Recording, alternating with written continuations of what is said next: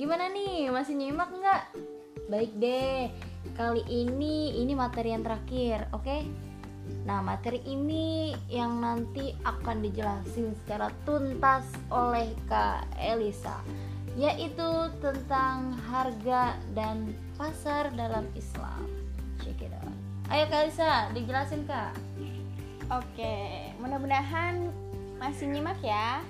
Dan kalau memang misalnya kalian suntuk mungkin kalian juga bisa sambil nyemil-nyemil atau kalian bisa sambil ya pokoknya itu yang bisa menyenangkan kalian gitu ya.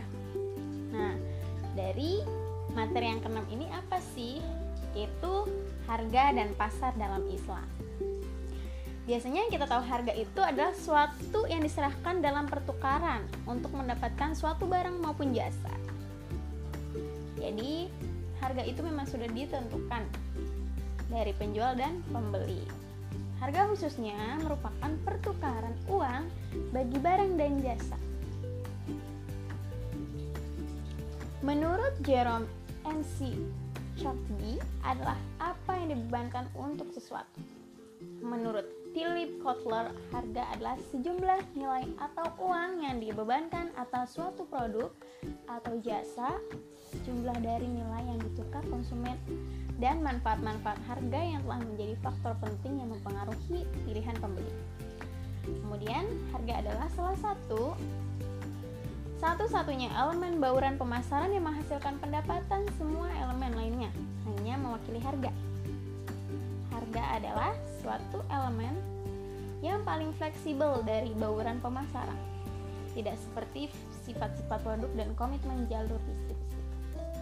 Harga juga dapat berubah-ubah dengan cepat. Pada saat yang sama, penetapan harga dan persaingan harga adalah masalah utama yang dihadapi banyak eksekutif pemasaran. Menurut Rahmat Syafi'i, harga hanya terjadi pada akad, yakni sesuatu yang direlakan dalam akad le baik lebih sedikit maupun lebih besar, atau sama dengan nilai bayar, nilai, nilai barang.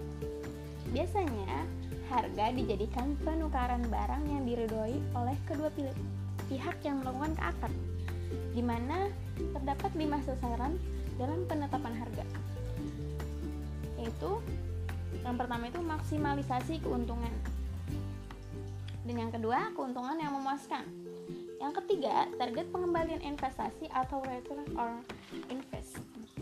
Kemudian yang selanjutnya, selain itu juga penetapan harga dengan sasaran yang berorientasi penjualan yaitu e, seperti pangsa pasar, kemudian maksimalisasi penjualan serta penetapan harga dengan sasaran status quo itu mempertahankan harga yang telah ada atau menyesuaikan diri dengan harga pesaing. Hmm, mungkin mekanisme pasar dalam perspektif Islam itu ya memandang bahwa pasar, negara dan individu berada dalam keseimbangan atau iktisod. Tidak boleh ada subordinat sehingga salah satunya menjadi dominan dari yang lain. Pasar dijamin kebebasannya dalam sistem Islam. Pasar bebas menentukan cara-cara produksi, konsumsi, distribusi, dan harga selamanya tidak ada pelanggaran syariah. Tidak boleh ada gangguan yang mengakibatkan rusaknya keseimbangan pasar. Namun, dalam kenyataannya sulit ditemukan pasar yang berjalan sendiri secara adil atau fair. Distori, uh, distorsi pasar tetap sering terjadi sehingga dapat merugikan berbagai pihak. Di sinilah pentingnya etika pelaku pasar dan peran pemerintah untuk membangun mekanisme pasar yang sehat, kompetitif, dan adil. Oke, selanjutnya konsep mekanisme pasar dalam Islam dapat dirujuk kepada hadis Rasulullah Shallallahu Alaihi Wasallam, sebagaimana disampaikan oleh Anas radhiyallahu an Sehubungan dengan adanya kenaikan harga-harga barang di kota Madinah, dalam hadis tersebut diriwayatkan sebagai berikut. harga-harga melambung pada zaman Rasulullah SAW, orang-orang ketika itu mengajukan saran kepada Rasulullah dengan berkata, Ya Rasulullah, hendaklah engkau menentukan harga. Rasulullah SAW berkata, Sungguhnya Allah yang menentukan harga, yang menahan dan melapangkan dan memberi rizki sangat aku harapkan prinsip-prinsip mekanisme pasar dalam Islam itu yang dibangun atas prinsip-prinsip yang pertama kerelaan atau disebut juga aridho yakni segala transaksi yang dilakukan haruslah atas dasar kerelaan antara masing-masing pihak.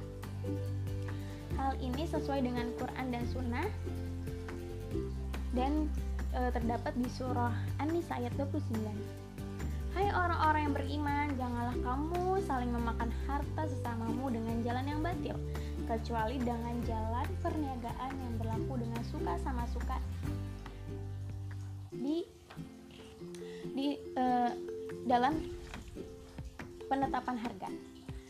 Dengan sasaran berorientasi penjualan itu yang pertama itu kita juga harus memperhatikan dalam konsep-konsep uh, teori permintaan.